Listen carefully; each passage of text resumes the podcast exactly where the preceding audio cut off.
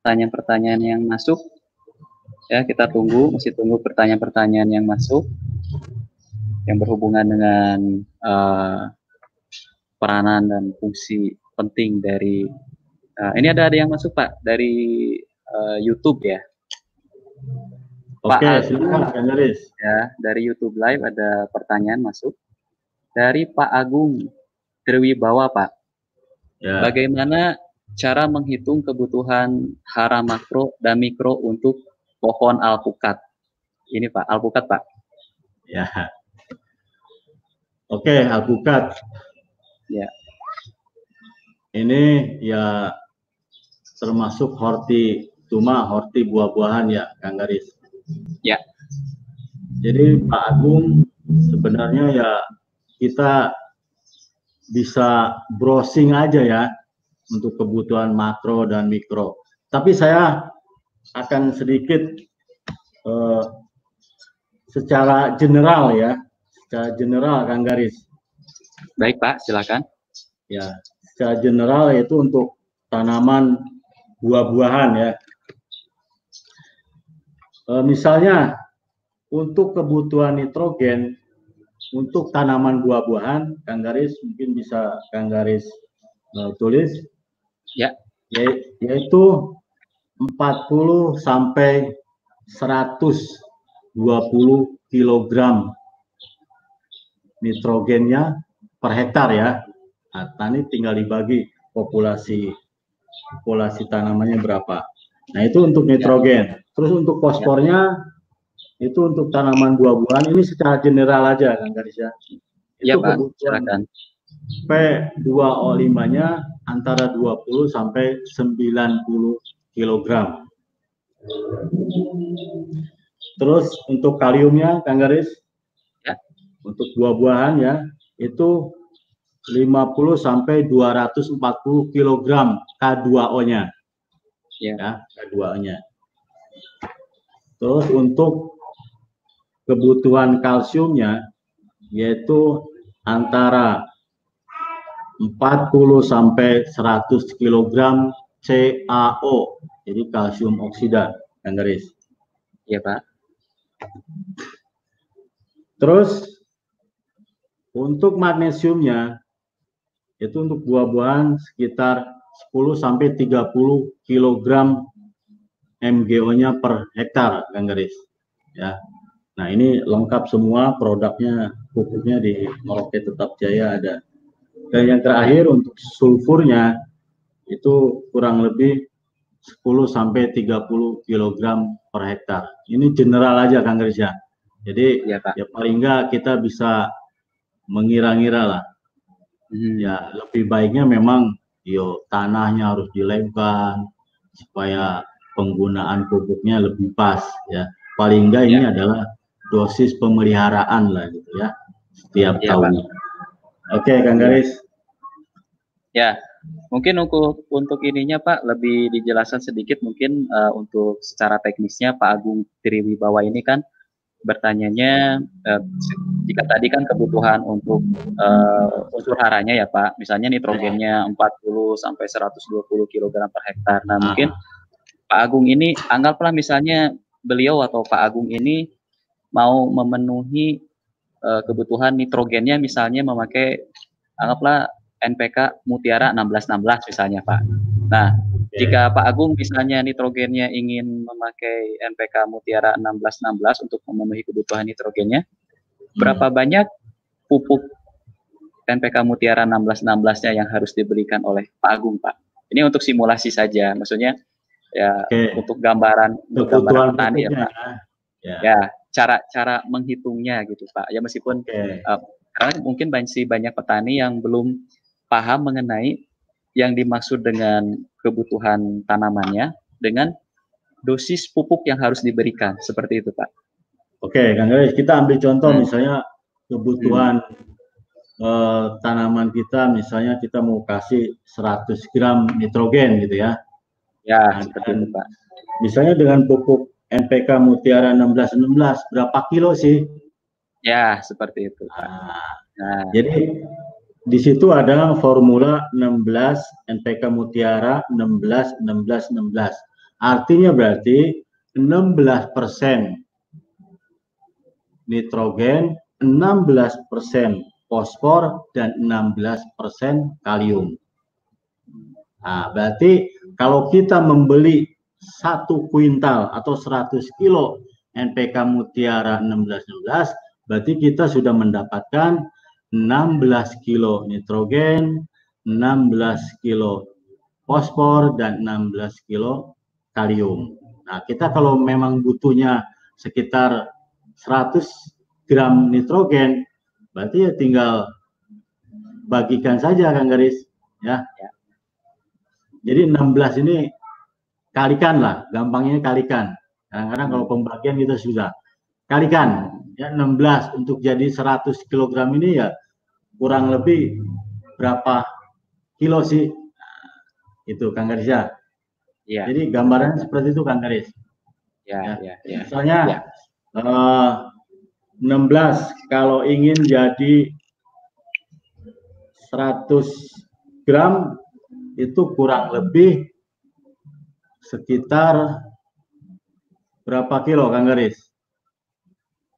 Gimana Pak? 6, Suaranya 6 6 6 kintalan ya. Hmm. Sekitar 6 kintalan Kang Garis, ya. Hmm. Ya. Jadi 600 dibagi ya dikali Nah, 6 kintal Kang Garis. Itu kita ya. sudah mendapatkan nitrogennya 96 kilo. Tentu ya ada formula lain kalau memang kita butuh nitrogen yang besar, misalnya ya. sprinter itu Kang Garis. Ya. ya.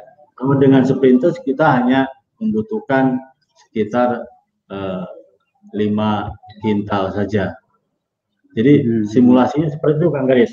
Ya. Oke Pak, oke Pak, oke Pak. Paham, Pak. Ya. Ya, kalau misalnya masih butuh nitrogen yang tinggi, misalnya kita bisa pakai uh, Merauke kita punya ada ZA, Merauke ZA betul, dengan nitrogen betul. 21 persen. Ya. Oke. Okay. Okay. Sambil tunggu pertanyaan berikutnya, Pak Ermain. Ya. Oke. Okay.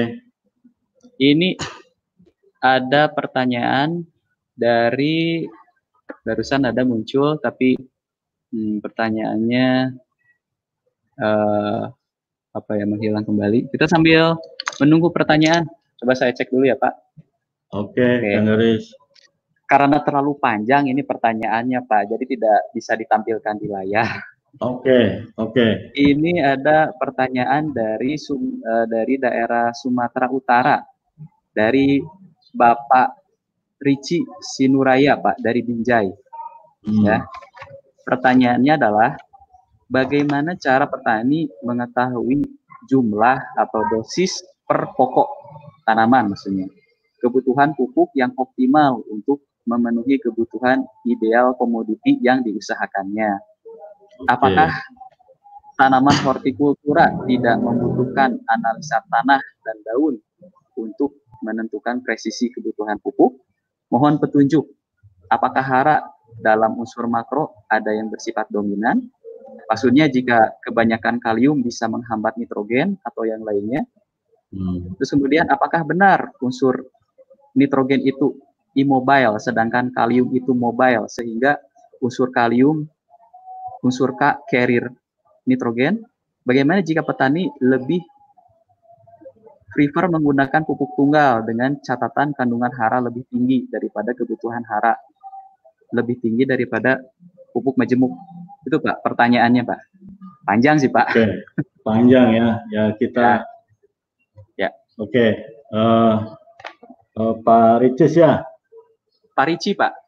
Pak Rici ya. ya. Oke, gini Kang Garis. Ya. ya. Kalau memang kalau ingin presisi ya sebenarnya ya semua harus di harus diketahui lah ya baik itu media tanamnya yaitu berarti tanah karena setiap jengkal tanah kan berbeda apa yang terkandung di dalamnya. Ya. Tapi ini untuk mudahnya saja lah ya untuk mudahnya saja. Kami sudah bikinkan brosur-brosur semua tanaman Kang Garis. Ya, ya. kita bisa bisa klik di website kami merauketetapjaya.com Bapak bisa temukan di situ Bapak mau misalnya usaha tani apa nih cabai tomat dan lain-lain hortikultura hmm. ya.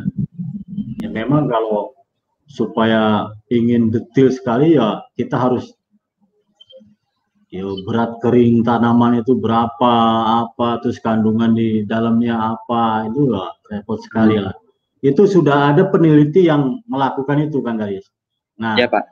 brosur yang kita bikin di website itu adalah mengacu ke sana. Jadi tinggal ya. pakai saja. Ya, tentu disesuaikan dengan uh, kesuburan tanah masing-masing. Ya. Terus tadi ada tanya uh, apa apakah setiap hara itu tidak saling mempengaruhi?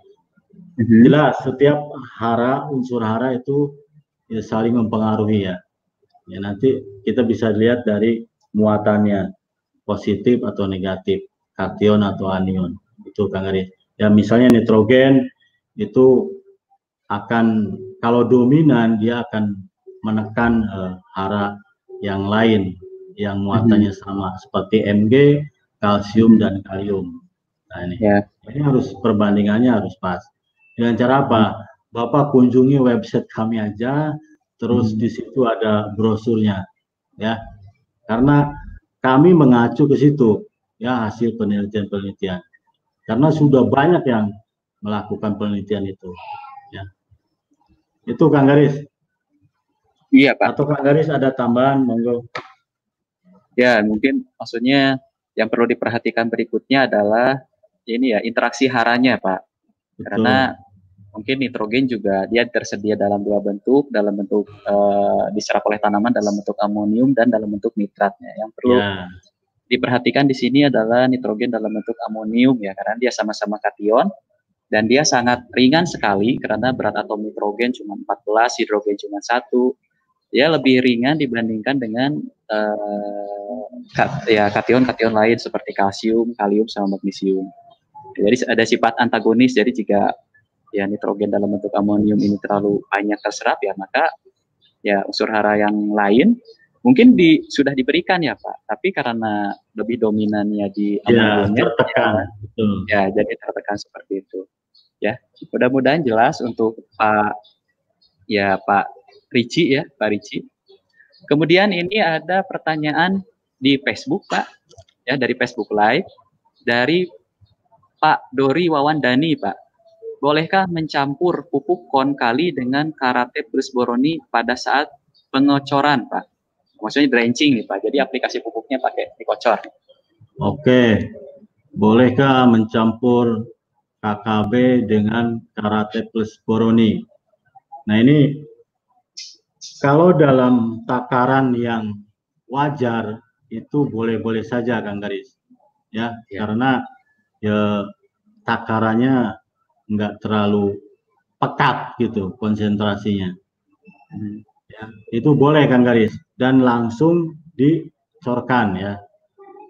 Karena gini, KKB ini adalah kandungan terbesarnya adalah kalium kan garis. Ya. Terus magnesiumnya ada 6 dan sulfurnya ada 4. Hmm. Yang tidak boleh digabung ini kan sulfur sama kalsium. Kalsium yang ada di karate plus boroni. Cuma dalam takaran tertentu dan konten yang terkandung di KKB ini sulfurnya kecil sekali Kang Garis. Ya. Jadi dalam takaran tertentu misalnya 2 kilo KKB, 2 kilo karate boroni dalam 200 liter itu is nggak apa-apa Kang Garis, masih masih bisa uh, diaplikasikan. Oke, itu aja Kang Garis. Oke, Pak. Jadi kon kali bisa di drenching ya, Pak? Bisa dikocor ya, Pak? Sebenarnya ya apa itu susah ya. Cuma hmm. di lapangan banyak ditemukan kan, Garis. Ya. Katanya yeah. katanya sih bagus itu ya. Tapi dari dari kelarutannya ini Kang Dori, hati-hati ya. KKB ini memang diperuntukkan bukan untuk dicor Kang Garis, tapi ya sudah banyak sahabat mutiara yang melakukannya. Ya kami ya, ya selama itu bermanfaat dan tidak ada masalah ya monggo. Cuma dari hmm. segi dari segi keilmuan ya sebenarnya ya itu bukan diperuntukkan untuk eh, apa dilarutkan atau water soluble karena ada sumber kalium yang bisa dilarutkan sebenarnya yaitu Merauke SOP, Merauke kalinitra. Nah, itu uh, kalium yang bisa larut. Terus ada Merauke MKP, Kang Garis. Nah, sebenarnya Pak Dori ini ya mungkin dari segi ketersediaan di lapangan atau dari segi biaya mungkin Kang Garis ya. Ya. Hmm. Tapi okay. kami sendiri sekali lagi tidak menyarankan ya karena KKB ini bukan diperuntukkan untuk uh, apa untuk di dicorkan Kang Garis. Ya. Oke, Pak. Terus kemudian ini ada pertanyaan kembali, Pak. Ya. Dari melalui uh, YouTube ya, melalui YouTube dari Ibu ya. Griselda K. Ibu Griselda K ini bertanya. Nah, ini dari Jakarta nih, Pak. Mau ya. bertanya, unsur hara makro itu kan banyak kandungan nutrisi. Bagaimana cara mengetahui tanaman tersebut ada kekurangan unsur hara makro dalam salah satu kandungan? Mohon petunjuknya, Pak. Oke, nah, ini semakin kita banyak bergaul dengan tanaman, ya semakin tahu nanti keinginan dari tanaman itu, Kang Garis. Ya sambil ya baca-baca literatur atau informasi yang lain. Karena ya, ya kalau hanya ini ini kalau tidak dengan pengalaman langsung biasanya ya agak susah juga Kang Aris. Nah ini untuk Griselda ya semakin kita banyak menanam dan eh, terus berhubungan dengan tanaman nanti keinginan tanaman akan tahu sendiri Kang Garis. Tapi kalau kalau apa kalau untuk ini ya detailnya ya susah ya. Tadi tadi telah saya telah sampaikan bahwa nitrogen menguning, terus eh, kalium itu dari pinggir daun mulai rusak, nah itu kan, nah itu ya ciri-ciri itu. Tapi kalau kalau tidak melihat langsung kan kadang-kadang eh, susah. Nah caranya gimana? Ya nanti eh, ibu atau bapak ini dipotokkan saja terus kirim ke grup komunitas NPK Mutiara yang di Telegram itu Kang Garis. Nah, kita ya. bisa bisa diskusi di situ. Wah, ini kekurangan apa? Jadi pupuk apa yang harus uh, kita kasih? Uh, mungkin jawaban saya seperti itu Kang Garis. Hmm. Ya, baik Pak. Ya, nanti untuk lebih jelasnya untuk Ibu Griselda, silakan nanti uh, bergabung di Telegram ya, di Telegram di komunitas MPK Mutiara jadi nanti difotokan saja ada gejala-gejala yang muncul Betul. pada tanaman Betul. ibu. Karena kalau misalnya kita hanya menduga-duga, ini misalnya ibu, ibu Gisela misalnya, iya daun saya kuning. Ya, kuningnya di mana? Di daun muda kah? Atau di daun tua kah? Atau seperti apa? Nanti supaya lebih jelas, supaya kami juga tidak salah mendiagnosa, ya tolong nanti uh, ibu bisa kirimkan foto-foto tersebut di grup uh, Telegram di komunitas NTK Mutiara. Ya, kemudian kita sambil menunggu pertanyaan berikutnya. Oke. Ini ada dari Pak Batang, ya, Pak Batang Agro Kreatif. Ya, ya, ini pertanyaan dari melalui YouTube juga, Pak. Ya, beliau bertanya, saya pernah speak dengan Mas Roni, ada pupuk tertentu yang bisa membuat daging buah alpukat warnanya makin kuning dan kering apa saja pupuk tersebut karena yang disampaikan yang disampaikan yang disampaikan beliau hanya merek seperti itu pertanyaannya Pak. Oke, okay, Kang Garis. Biasanya untuk untuk buah ya itu dominan ya kalium Kang Garis, pembesaran buah ya, dengan kalsium. Karena apa? Kalau kita hanya mengaplikasikan kalium saja tanpa disertai dengan hara yang lain, misalnya kalsium ya, itu akan masalah. Nah, tapi untuk daging biasanya dominan adalah kalium dan kalsium, Kang Garis. Nah ini perlu saya sampaikan di sini ada pengalaman kami di lapangan ya. Uh, gini Kang Garis, Kang Garis kan tahu jambu biji tapi tanpa biji itu, ya bijinya sedikit lah ya, ya. kecil gitu bijinya. Hmm. Nah ada pengalaman ini mungkin ya sebagai bahan referensi atau pertimbangan lain Kang Garis kalau hmm. untuk uh, buah-buahan yang yang supaya dagingnya kecil. Nah ini ada ada ada pengalaman kami di lapangan bahwa jambu kristal namanya ya, jambu mutiara. Jadi jambu biji tapi kecil dia bijinya. Hmm. Itu dengan pemberian fosfat mungkin yang berlebihan ya. Hmm. Yang berlebihan itu bijinya bisa besar Kang Garis. Jadi seperti hmm. jambu biasa. Jadi bukan bukan seedless lagi ya. Jadi ya bijinya besar gitu loh. Nah ini ada pengalaman kami seperti itu. Nah untuk alpukat karena dia bijinya besar juga ya, ya, ya pemberian pemberian fosfornya seperti yang saya tadi sampaikan bahwa itu ya jangan jangan di terlalu banyak guys ya, ya. supaya bijinya juga lebih kecil. Tapi dominan cara yang untuk pembesaran buah daging buah adalah kalium dan kalsium. Sekian ya guys. Kalau di kita ya grower, SOP, kali nitra, ya itu. Terus kalsiumnya ya hmm. ada kalnit, ada karate, terus Oke, Pak Armain, terima kasih. Kita ya. ada lagi pertanyaan berikutnya. Pertanyaan berikutnya dari uh, live uh, Facebook hmm. Ibu Wahdiah dia.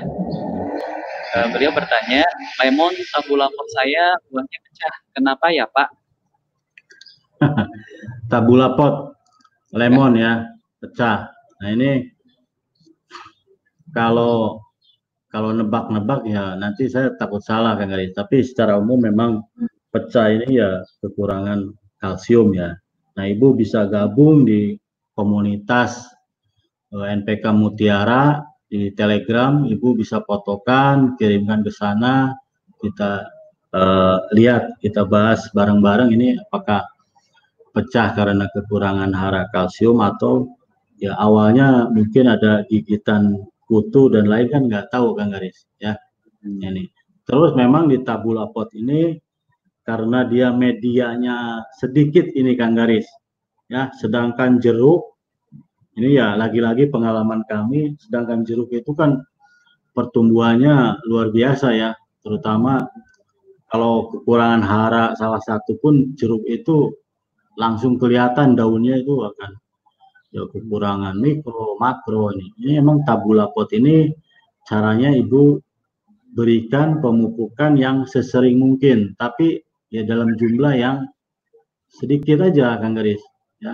Itu bisa bisa kunjungi website uh, Merauke Tetap Jaya. Di situ ada ada untuk jeruk ya. Walaupun itu untuk tanah ya silakan nanti uh, dosis untuk tabula potnya ya. Di paling enggak ya untuk coran itu ya setengahnya atau seperempatnya dari uh, anjuran yang di yang di apa yang di yang di website kami itu Garis. Memang ya, jadi masalah ya pengalaman kami jeruk kita pula pot itu kalau lambat sedikit aja itu Kang Garis, wah wow, udah tanamannya ngambek gitu udah udah daunnya rusak, pentilnya rontok apa. Karena mungkin karena dia medianya terbatas itu aja kan guys ya. Iya. Oke. Okay. iya baik pak. Ya. Oke mungkin kita beralih ke pertanyaan berikutnya. Pertanyaannya dari YouTube pak. Ya dari live ya. YouTube dari hmm. Pak Andrea Julius ya beliau bertanya kalau misalnya kentang yang sudah selesai didangir pupuk meroke yang satu kilo apa yang harus disuntikan satu kilo Bahkan, ini hmm, maksudnya mungkin ya mungkin kita hmm, Ya, saya juga ini bahasa daerah ini Pak. Kalau misalnya kentang yang sudah selesai didangir Pak. Ya, pupuk yang sekilo itu maksudnya sekilo gimana enggak garis? Hmm. Sekilo Mungkin. yang kemasannya atau sekilo dosisnya ini? Ya. mungkin mungkin uh, mungkin maksudnya maksud beliau dari Pak Andrika ini adalah jika kentangnya sudah selesai didangir saja, maka pupuk apa mungkin yang baik atau apa yang direkomendasikan oleh kita mungkin Pak? Oke, ini ya uh, masih apa? Saya ragu pertanyaannya ya karena satu kilo ini dosisnya atau atau yang kiloan itu uh-huh. uh, disuntikan atau dicampur dengan air terus disuntikan uh. ini kan nggak tahu kan Garis. Nah. Ya. Ya tapi mungkin kalau kalau saya simpulkan kalau, mungkin sementara Pak tidak iya. apa-apa. Yeah. Nanti mungkin rekomendasinya apa saja mungkin Pak jika kentangnya sudah didangir ya. Dangir ini mungkin bahasa daerah ya Pak. Ya, dangir ini biasanya itu mau pemupukan kedua Kang Garis ya. Ya. Ya, pemupukan kedua biasanya mulai apa ada stolon itu. Kalau di kentang ada stolon bakal calon umbi itu Kang Garis. Ya. Nah, di situlah paling paling pas itu aplikasikan kalium, kalsium yang cukup kan garis ya. Ya. Karena hmm. Seperti ketahui bahwa pembentukan buah hmm. set ya atau pembentukan awal umbi itu butuh kalsium yang cukup kan garis.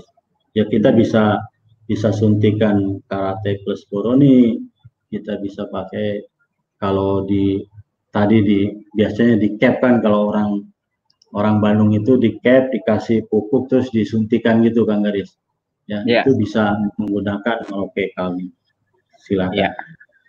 siap pak terima kasih pak oke okay.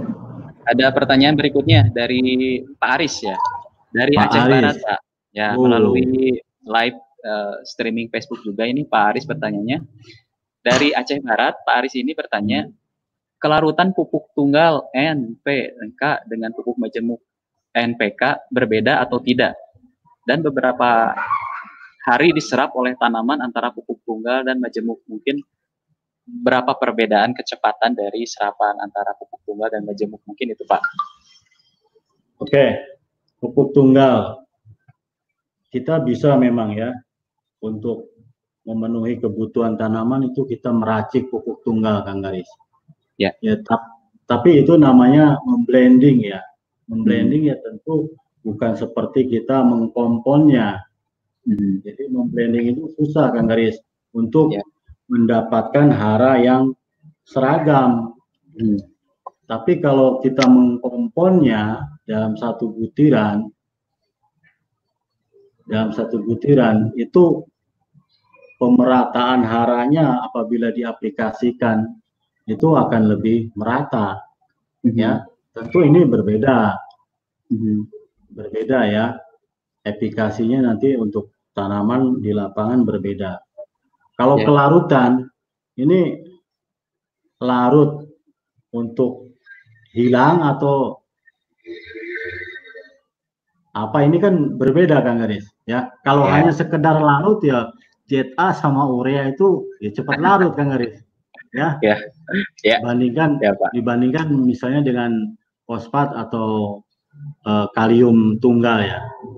Tapi yang perlu kita perhatikan adalah seberapa besar tanaman itu menyerapnya misalnya.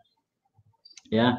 Karena di NPK kita misalnya nitrogen nih ada nitrat sama amonium ya.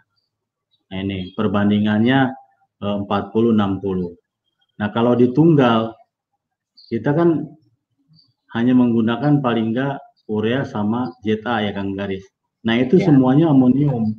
Sedangkan hmm. tanaman itu lebih senang untuk menyerap nitrat. Bukan berarti enggak ada amonium sama sekali ya. Perbandingannya ya, satu amonium tiga bagian nitrat. Nah, itu. Ya. Hmm. Jadi uh, kita bisa membuat NPK dari pupuk tunggal, tapi itu namanya blending. Jadi keseragamannya atau uh, di lapangan itu apabila diaplikasikan itu akan uh, tidak sama dengan hmm. kompon karena kompon itu dalam satu butir itu sudah terkandung NPK Kang Garis. Tapi kalau hmm. blending kan bentuknya yang berbeda ini Kang Garis. Ya, yeah. urea hmm. itu sedang, fosfat biasanya besar-besar, terus KCl kan lembut. Kalau kita tabur itu ya yang besar akan terlempar jauh, yang sedang tengah-tengah, yang lembut pasti dekat kita. Jadi pemerataan tanaman untuk mendapatkan hara yang sama itu akan susah bila ya. dibandingkan dengan kompon. Itu Kang Garis. Iya Pak. Jadi terjadi segregasi ya Pak. Oke. Ya betul. Kemudian ini ada pertanyaan berikutnya melalui uh, YouTube Pak dari Pak Agus Haris Pak. Takaran hmm. menggunakan tanaman untuk tabula pot NPK-nya harus pakai berapa gram Pak? Ini kembali lagi pertanyaannya mungkin tabula iya. pot. Nah, ini NPK-nya itu berapa? Oke, ini tanamannya kan nggak tahu Kang ini apa tanaman keras, buah-buahan atau ya. sayuran, cabai apa ya. Tapi untuk sekedar uh, ini apa dosis ya kecil Kang Garis. Untuk satu tabula pot itu ya untuk sayuran sayuran daun ya. Nah ini karena nggak disebutkan tanamannya apa ini kan ya. Sayuran ya. daun ya bisa pengalaman ya kami dengan pakai satu gram sampai 2 gram itu nggak masalah kan garis.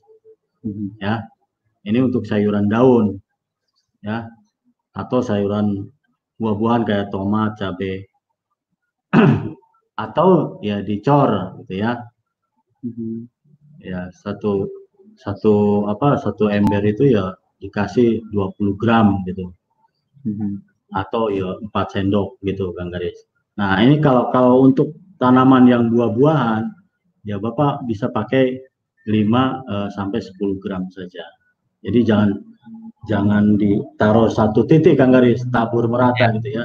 Misalnya tabula potnya ada yang kayak planter bag itu ada yang 100 kilo, ada eh, uh, 50 kilo itu jangan ditaruh satu itu karena medianya kecil ini takut ya takut terkonsentrasi nanti jadi overdosis jadi tabur merata paling enggak ya 5 sampai 10 gram itu udah maksimal Kang Garis.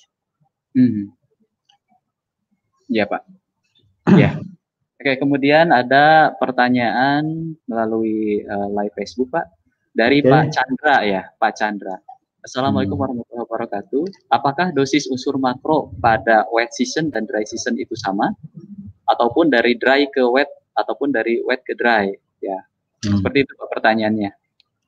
Ya, ini untuk apa ini kalau enggak ya tanaman kentang ini ya. Ya, mungkin kalau, kentang. Kalau ya, yang nanya sih ya Kang Chandra Hayat Kentang Atlantik. Hmm.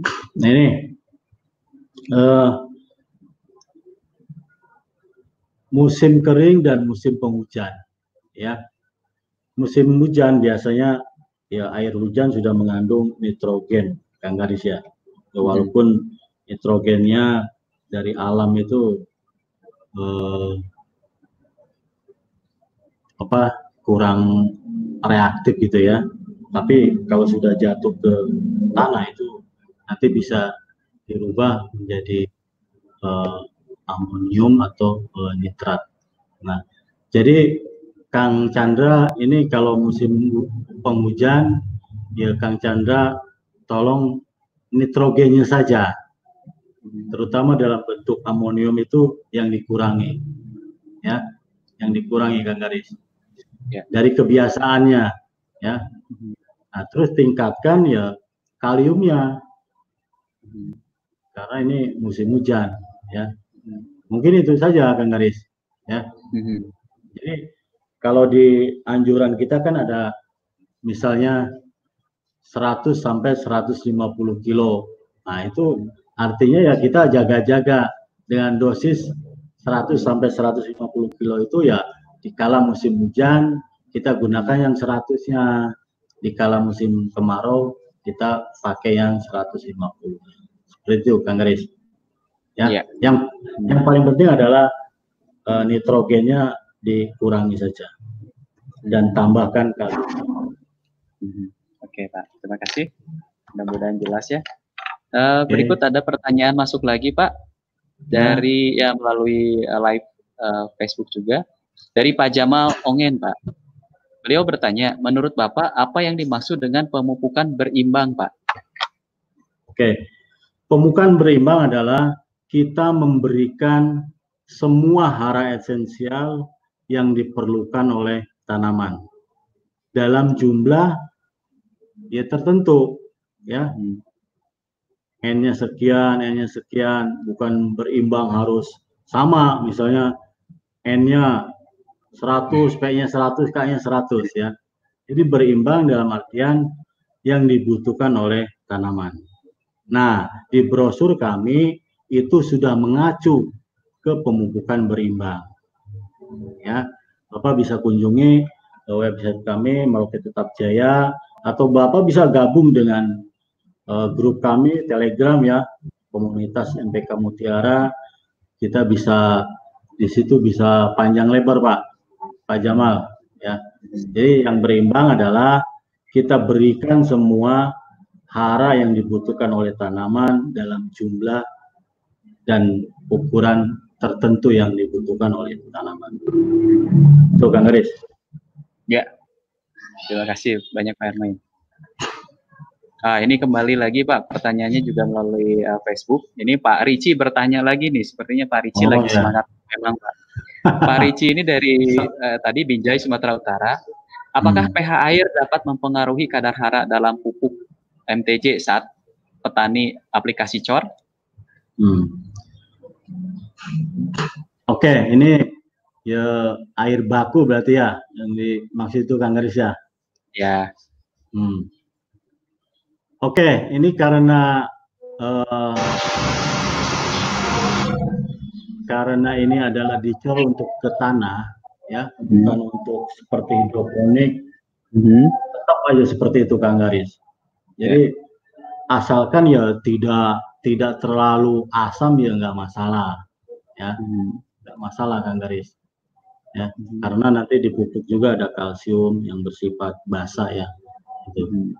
jadi karena uh, air ini hanya sebagai media saja bukan untuk selamanya seperti uh, hidroponik kalau di hidroponik akan masalah kan garis ya. karena nggak nggak ada baper kan nggak ada baper ya. tapi kalau hanya untuk media melarutkan saja dan akhirnya kita colkan hmm. itu menurut pengalaman sih nggak masalah kan Garis ya hmm. ya Pak okay. ya selama airnya air yang ideal ya Pak untuk bertanam ya, jangan air betul. air limbah seperti itu oke okay. ya kita lanjut pertanyaan berikutnya ada pertanyaan okay. melalui uh, live YouTube ya dari Bapak Rizky Ahmad Fadilah Beliau bertanya, seberapa lama penyerapan urea nitrat dengan amonium? Kang Garis malah nanyanya ke saya, Pak. oh, ini uh, apa ya. temennya Kang Garis ini. Oh, Oke, okay, ya. perbedaan urea. Jadi sumber nitrogen itu uh, ada tiga atau ada yang menyebut empat, Kang Garis. Yang pertama hmm. adalah urea, ya terus amonium ada nitrat sama dengan nitrogen dari bahan organik nah, tapi yang yang biasanya kita uh, ketahui adalah urea amonium dan nitrat nah untuk urea ini ada beberapa proses supaya bisa diserap oleh tanaman karena urea ini adalah kalau dari apa bangun bangun kimianya senyawanya itu kan ada ada karbonnya kan garis ya CO ya. NH2 dua kali ini ya. eh, karena urea ini adalah organik karena ada karbonnya ada rantai karbon jadi harus harus ada proses ya paling enggak dua sampai tiga hari kan garis. Karena ada proses nanti ada harus ada enzim urease ya. Makanya ya. kalau di hidroponik kenapa uh, sumber nitrogen dari urea nggak dipakai? Ini susah terdeteksi karena dia ada rantai karbonnya. Jadi kalau untuk di lapangan urea sampai menjadi amonium dan nitrat ya mungkin dua sampai tiga hari kan garis. Harus ada enzim urease juga di tanah.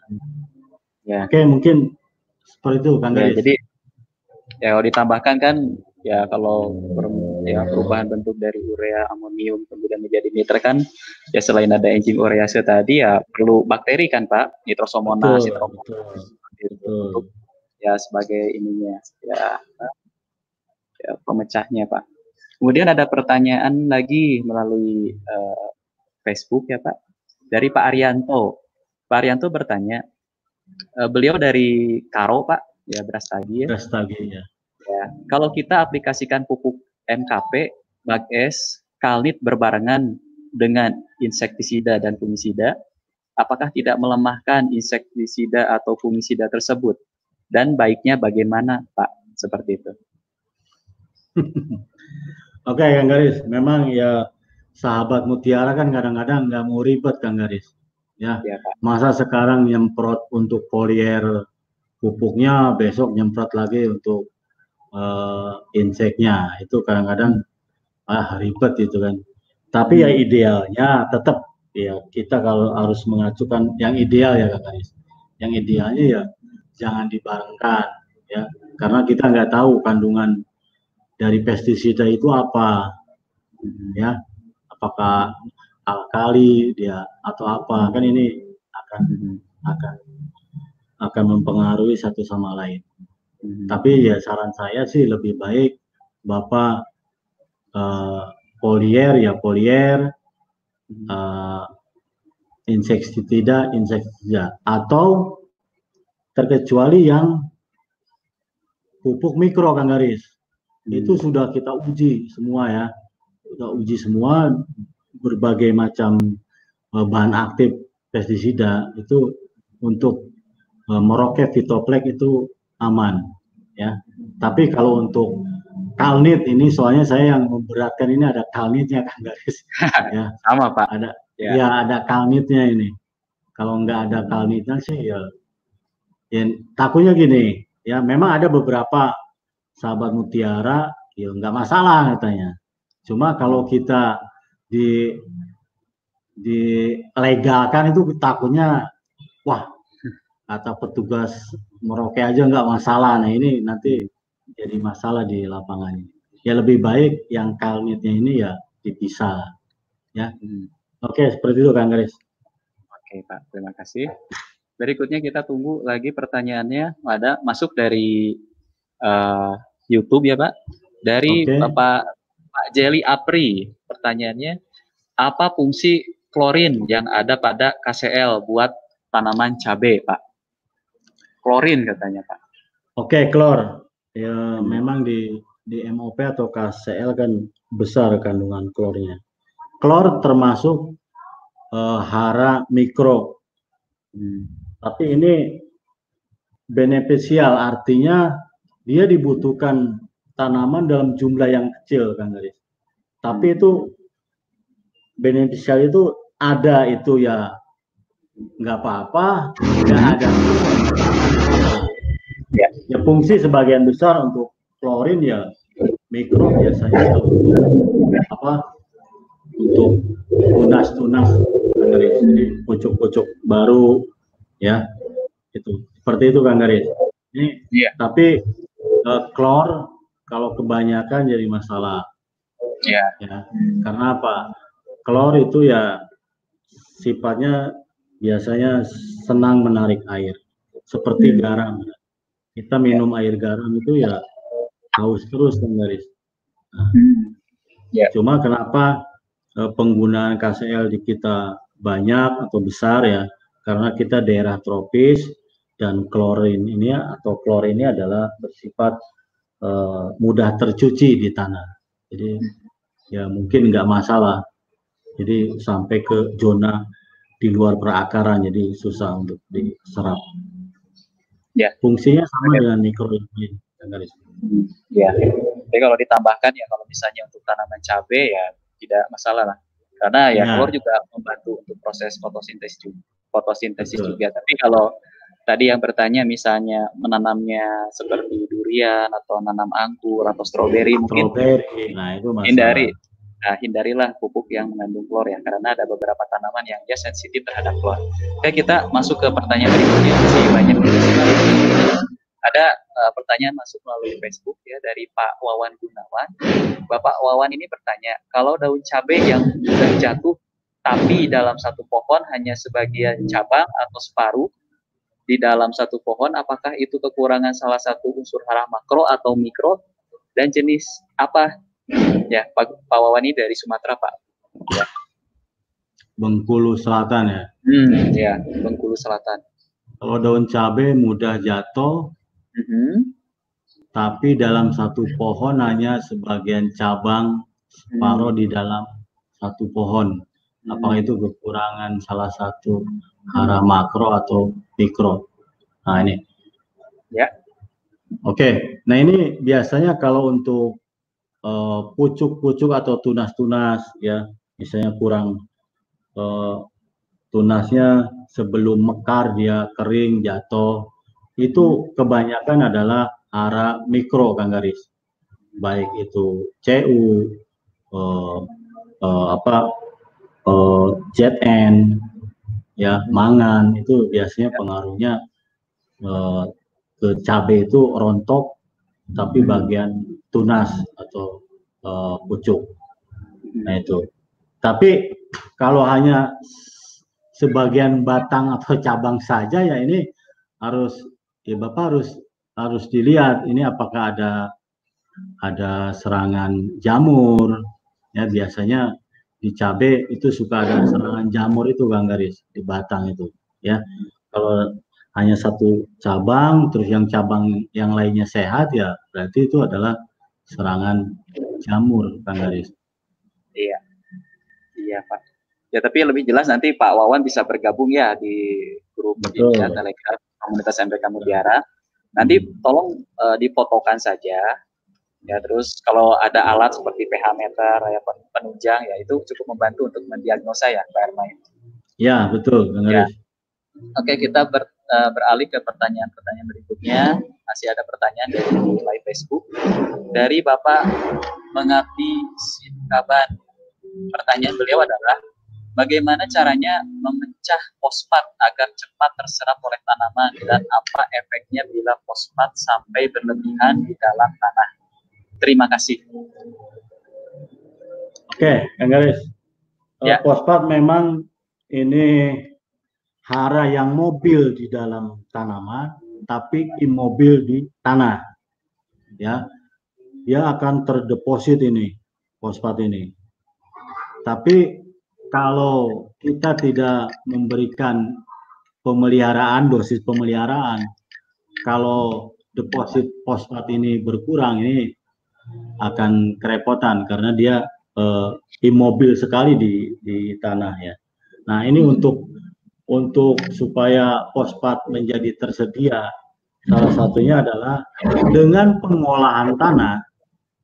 Nih Kang Garis, dengan pengolahan tanah saja itu fosfat yang terdeposit di tanah itu akan menjadi tersedia.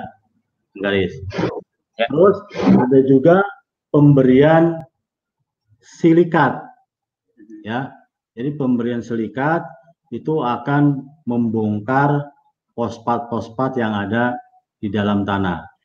Terus yang berikutnya tentu bisa diberikan mikroorganisme ya bakteri untuk pelarut fosfat nah ini. Itu ada. Seperti itu Bang Garis. Juga ya. biasanya pH. Nah, hmm. ya, tentu saja ya. ya pH harus diperhatikan ya, karena kalau pH-nya jelek, semua hampir semua rata-rata e, hara itu terikat atau terjerap di tanah. Nah, apa efeknya kelebihan dari fosfat? Ya sama ya, semua kalau semua berlebihan itu akan tidak baik Biasanya kelebihan fosfat juga sama itu seperti apa kerdil apa gitu Kang Garis. Cuma ya, ya. jarang ya. sekali lah ya, jarang sekali. Hmm. Karena pospat okay. yaitu sangat immobil dan tidak artinya tidak mudah bergerak di tanah. Mm-hmm. Oke, itu Kang Garis. Mudah-mudahan terjawab. Iya. Iya Pak, sebetulnya pertanyaannya masih banyak, tapi ini tidak terasa ya waktu sudah satu jam lebih ini Pak Ermain kita. Aduh, iya, ini sebelas perempat ya. Kang Garis ya. Ya, jadi tidak terasa ya waktu sudah uh, lewat dari satu jam, satu jam lebih okay, kami menemani uh, Bapak Ibu semua sahabat mutiara di mana pun anda berada. Masih banyak pertanyaan-pertanyaan yang belum uh, terjawab. Kami akan segera menjawab pertanyaan-pertanyaan di media-media sosial kami. Mohon maaf untuk waktu mungkin yang belum uh, belum tepat ya pada kesempatan ini. Bagi yang belum menonton, uh, video ini masih ada di Facebook kami dan di YouTube kami juga ya bisa ditonton kembali ya oleh Bapak Ibu sahabat mutiara uh, di mana pun uh, Bapak Ibu sahabat mutiara berada. Oke, okay. uh, eh, demikian diskusi temu tani online pada kesempatan kali ini. Jadi uh, banyak sekali pertanyaan-pertanyaan yang masih berhubungan dengan unsur hara makro. Ya semoga apa yang sudah disampaikan itu bisa bermanfaat bagi Bapak Ibu semua. Ya kesimpulan dari temu tani online ini mungkin jika saya rangkum ya dari uh, presentasinya PR Main adalah ya, sangat penting kita untuk mengetahui uh, peranan unsur hara uh, makro ini ya karena jika kekurangan unsur hara makro karena dia diperlukan dalam jumlah yang besar maka gejala atau simptomnya jelas sangat terlihat. Jadi beberapa peranan unsur hara makro juga mungkin kalau misalnya dirangkum nitrogen itu mungkin diperlukan untuk uh, pertumbuhan tunas uh, dalam fase-fase vegetatif.